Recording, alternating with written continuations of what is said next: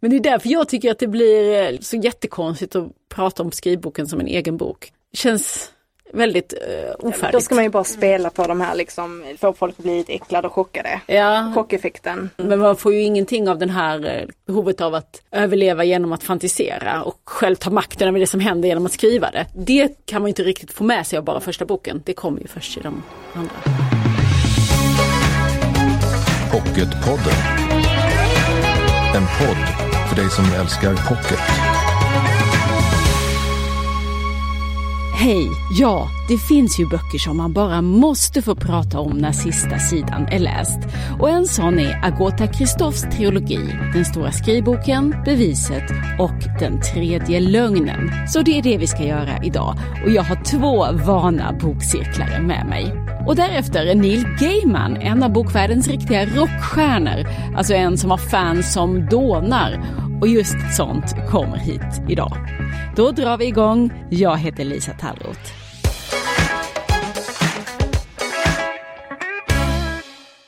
Och först så vill jag berätta lite grann om Agota Kristoff. Hon eh, föddes i Ungern 1935 och hon var alltså fyra år då när andra världskriget tog sin början. Men hennes familj splittrades väldigt tidigt. Pappan hamnade i fängelse, syskonen skickades till olika internat, något som hon har beskrivit som ett mellanting mellan kasern och kloster. Och det här skriver hon om i sin självbiografi Analfabeten. Och sen det dramatiska året 1956 när Agota Kristoff är 21 år och sovjetisk militär slår ner den ungerska revolten. Då flyr hon med man och en liten fyra månader bebis och hamnar så småningom i Schweiz.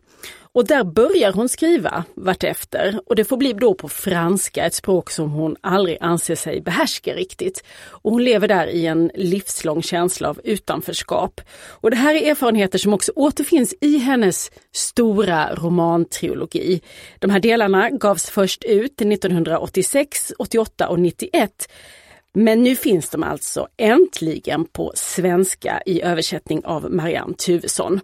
Och Agota Kristoff själv kan vi säga, hon dog 2011 och var då 76 år gammal. Men nu har vi de här tre fantastiska böckerna i en och samma utgåva.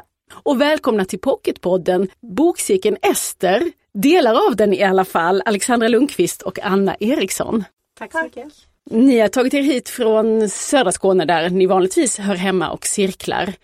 Och visst håller ni med att det är en sån där bok som man känner att man måste få prata om den här när man har läst ut den? Absolut. Ja, instämma. Det kliar igen. Man vill, man vill prata. Ja, vad, vad gjorde starkast intryck på dig Alexandra, när du hade läst den här?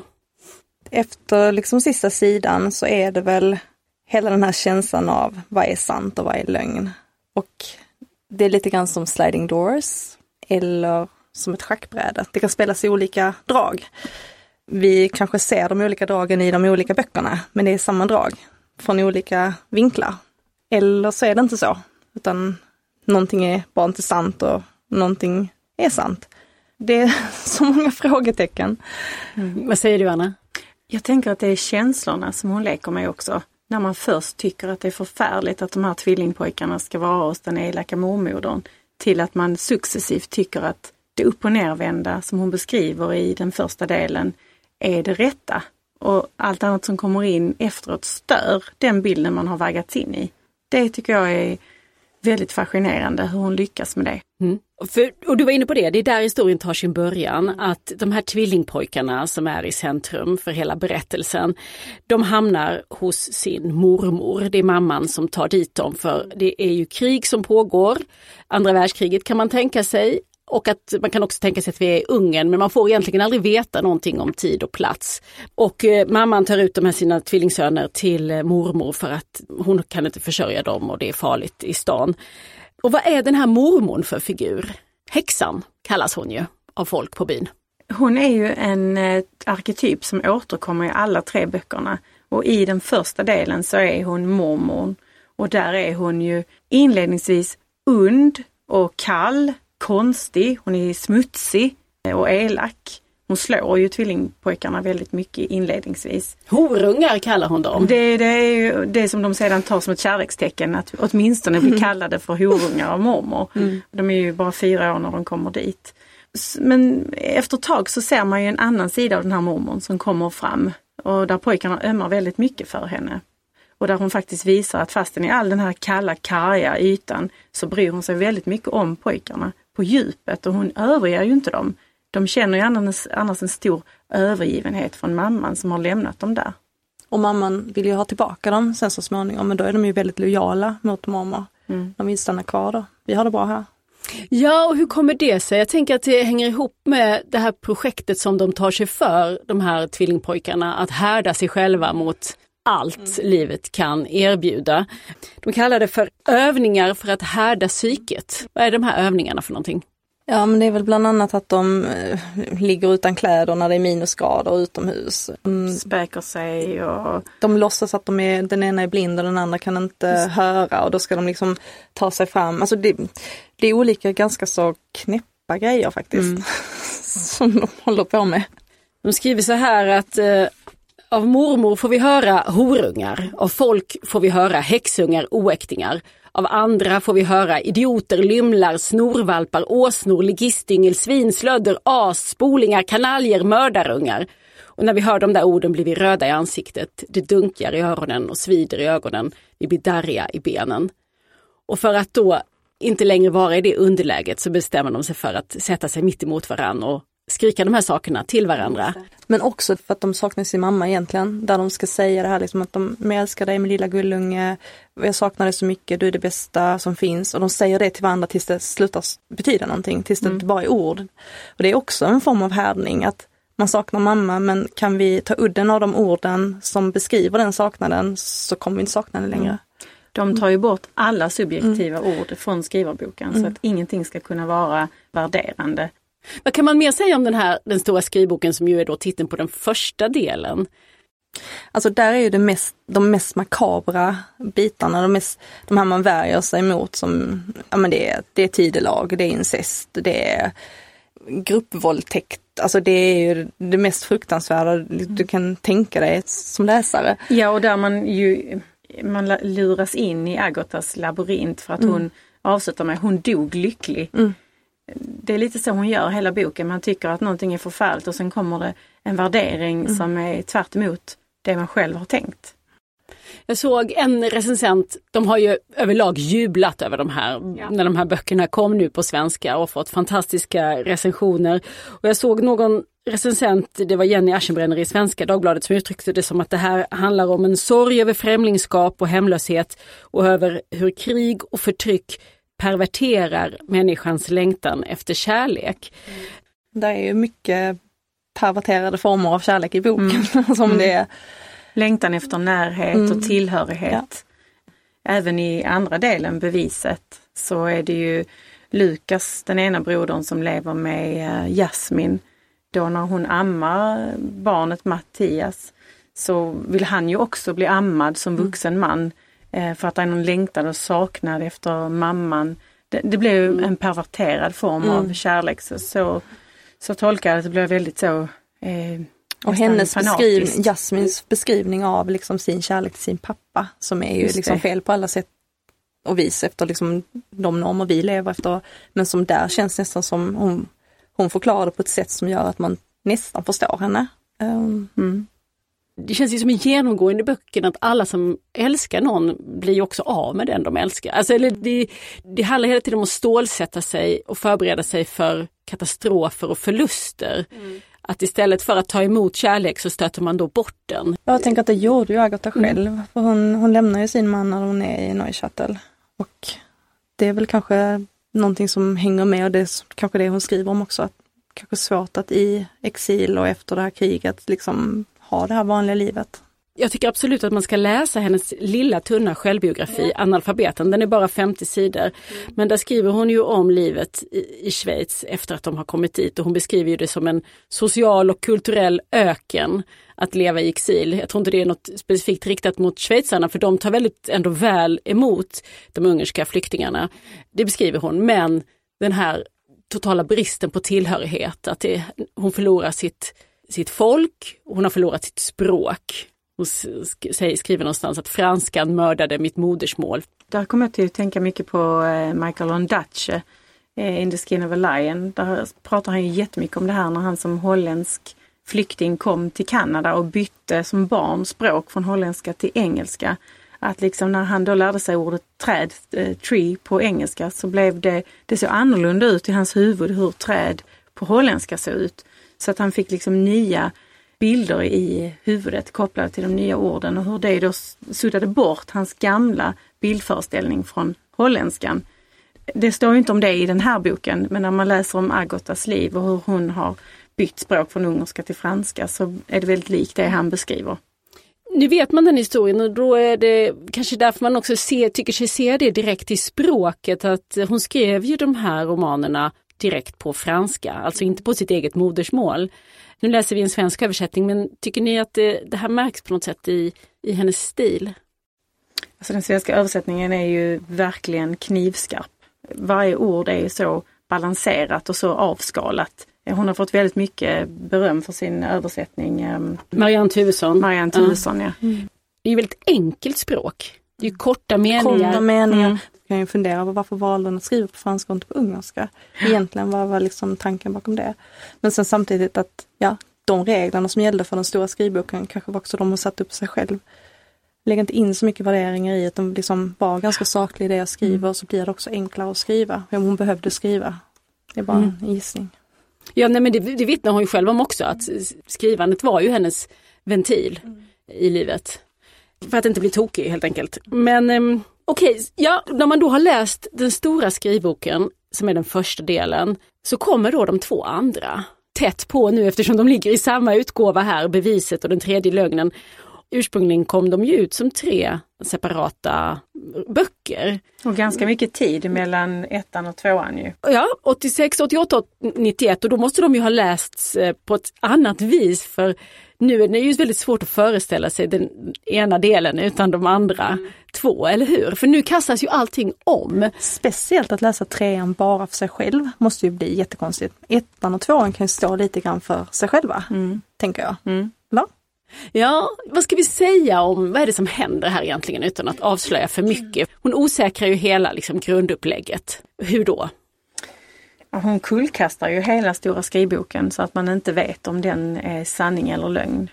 Och om tvillingarna är två eller, eller, en. eller en person. Och vem av dem är de i så fall? Vems öde är det som är det, det verkliga?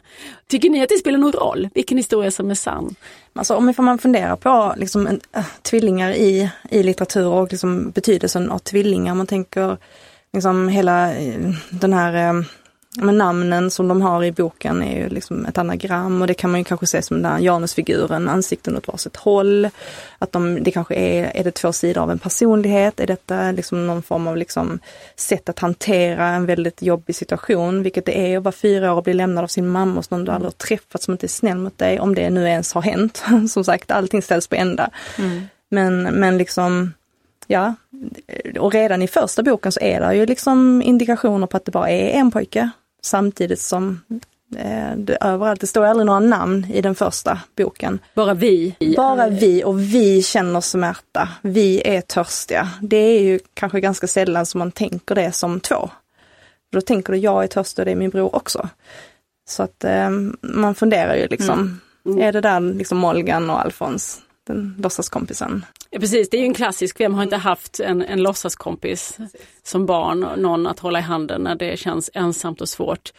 Tycker du det spelar någon roll Anna, om, eh, om vilken historia det egentligen är som, som är den sanna?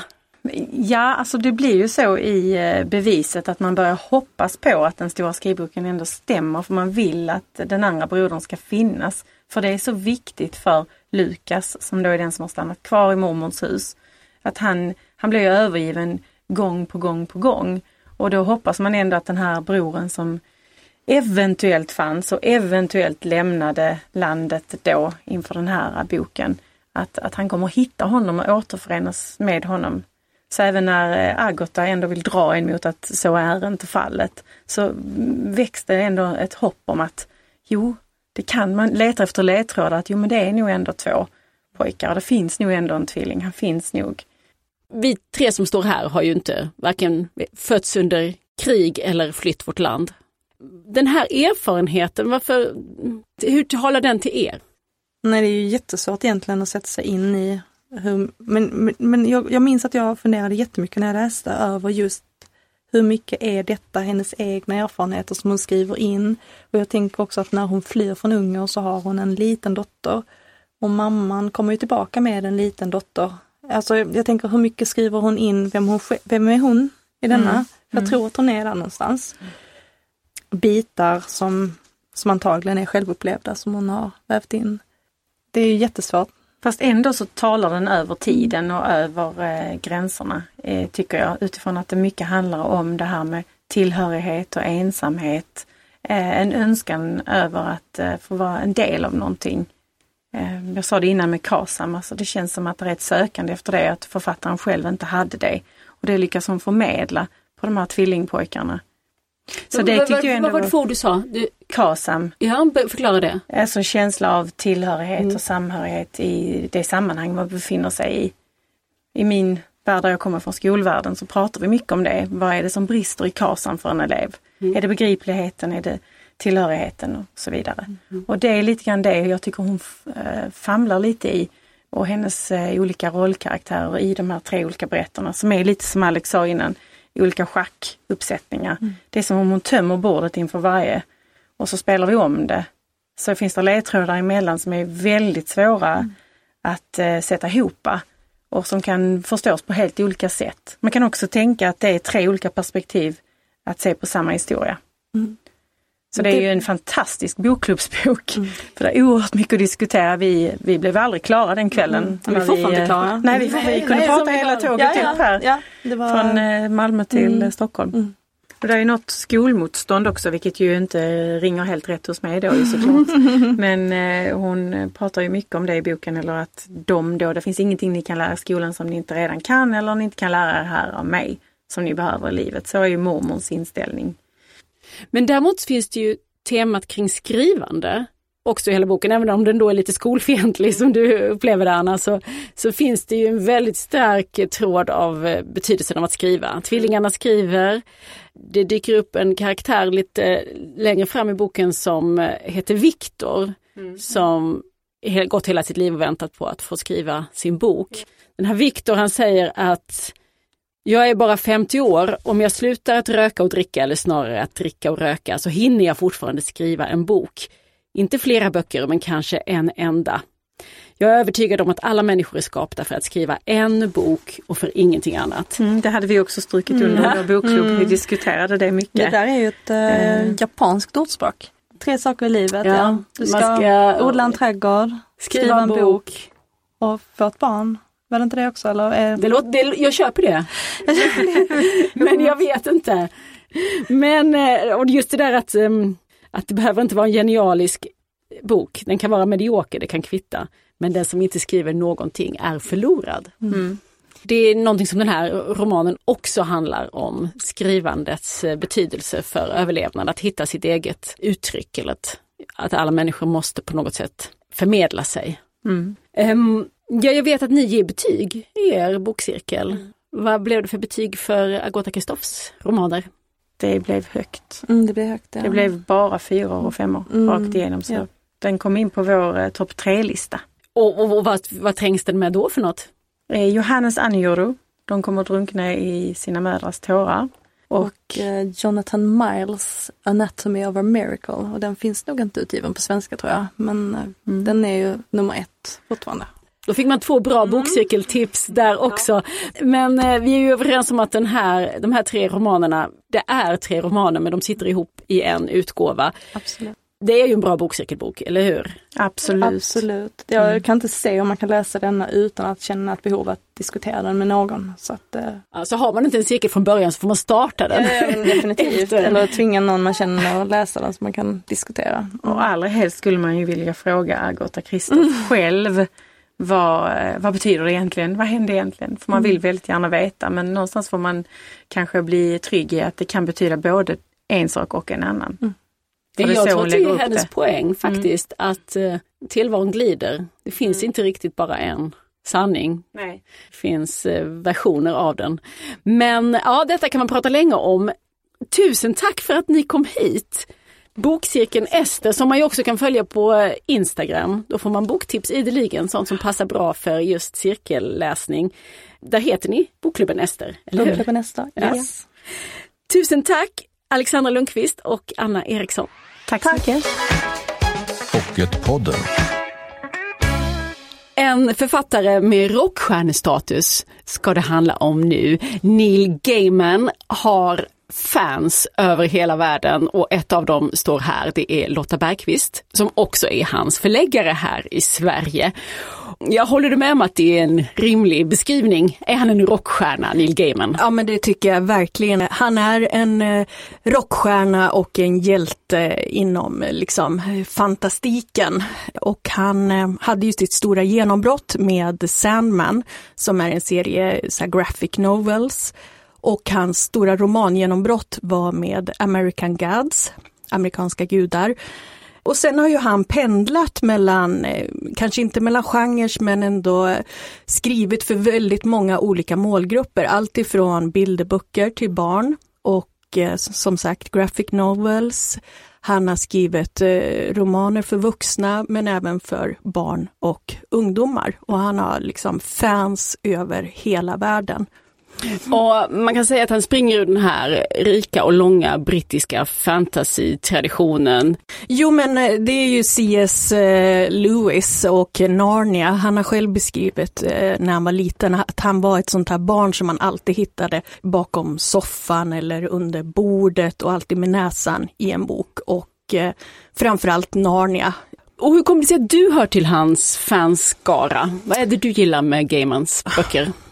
Ja, men jag älskar hans eh, världar som han bygger upp. Och hans språk är fantastiskt och historierna och de allra, allra flesta tycker ju att den här American Gods är hans bästa roman. Men jag tycker nog eh, The Ocean at the End of the Lane, Oceanen vid vägens slut.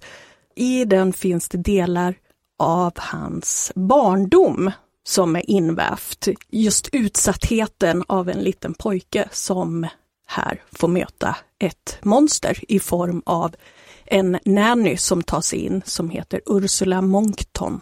Eh, en bok som jag tänkte att vi skulle prata lite mer om nu, den har han skrivit ihop med en annan. Det är Neil Gaiman och Terry Pratchetts Goda Omen som kommer i en ny pocketutgåva här. Vad är detta? Ja men det här är ju då en, eh, betraktas som en kultroman som kom ut första gången 1990. Ja, men det handlar om eh, det goda och det onda, striden. Och det finns en gammal profetia som säger att, den här, att världen kommer att gå under på lördag. Det var Nästa klara lördag, besked. In, precis, precis innan middagstid. Och det här är alltså enligt Agnes Nutters nyktra och precisa profetior som skrevs då på 1600-talet. Och det här författarexet har då gått liksom i arv genom generationer och nu finns den hos en sierska som heter Anathema. Och det här är alltså en ängel och en demon. En av deras uppgifter var att passa Antikrist som de har följt genom alla år här. Antikrist ska inte kunna välja liksom det goda eller det onda och på så vis så kan man skjuta upp hela den här uh, Armageddon. Men de har följt efter fel antikrist. Så när de kommer på det så måste de ju ge sig ut och leta reda på rätt antikrist. Men och, den är otroligt rolig och skruvad och det är fullspäckad med fotnötter och referenser och ja. Det här är något att försvinna in i. Goda Omen heter den. Det är alltså Neil Gaiman och Terry Pratchett som har skrivit den här tillsammans, men det finns mycket att upptäcka just kring Neil Gaimans stora och breda författarskap. Tack så mycket Lotta Bergqvist, förläggare Tack. på Albert Bonniers förlag. Tack! Nästa vecka kommer Elin Olofsson hit till podden. Hon är en författare som går igång på jämtländska kvinnoliv och rovdjur som Anders son. Så där har vi något att se fram emot. Jag som heter Lisa Tallroth säger tack för idag, på återhörande och följ oss gärna i sociala medier. Där heter vi Älska Pocket. Hej då! Du har lyssnat på Pocketpodden. En podd från Bonnierförlagen.